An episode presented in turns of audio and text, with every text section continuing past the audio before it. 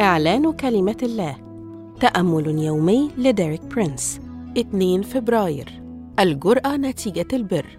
هذا الأسبوع يشرح لنا ديريك برينس حقيقة أننا صرنا أبرارا بدم يسوع. واليوم يوضح لنا كيف أن إدراكنا لهذا الحق يهبنا الجرأة.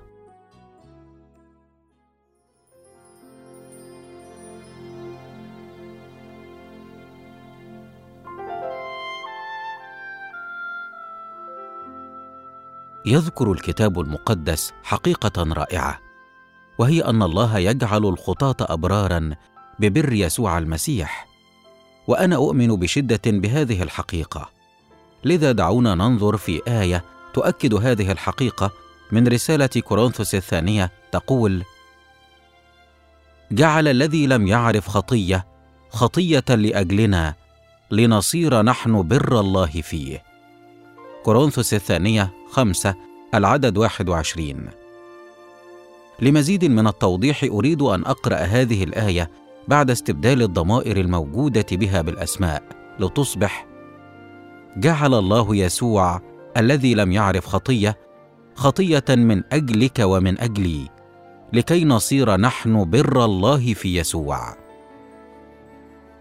والآن نرى أنه قد حدثت مبادلة كاملة صار يسوع خطية من أجلنا حتى نصير نحن أبرارا ببره وهذا البر متاح لنا بالإيمان بدمه. كذلك تخبرنا كلمة الله أن التبرير يسفر عن نتائج مباشرة ومحددة يمكن ملاحظتها ظاهرة في حياتنا. إحدى هذه النتائج هي المجاهرة أو الجرأة. نعم إن فعالية حياة المؤمن وتوجهاته وعلاقاته وخدمته تعتمد على مدى إدراكه بأنه قد صار بارا بدم يسوع. فيا لها من حقيقة رائعة. كذلك يخبرنا سفر الأمثال ثمانية وعشرين العدد واحد أن الشرير يهرب ولا طارد أما الصديقون فكشبل تبيت. يفتقر مؤمنون كثيرون اليوم إلى صفة الجرأة فهم شخصيات خجولة ودفاعية ودائما ما يميلون إلى الانسحاب عندما يواجهون الشر أو الشيطان. ويكمن جذر المشكلة في عدم إدراكهم أنهم أبرار في نظر الله أبرار مثل يسوع المسيح.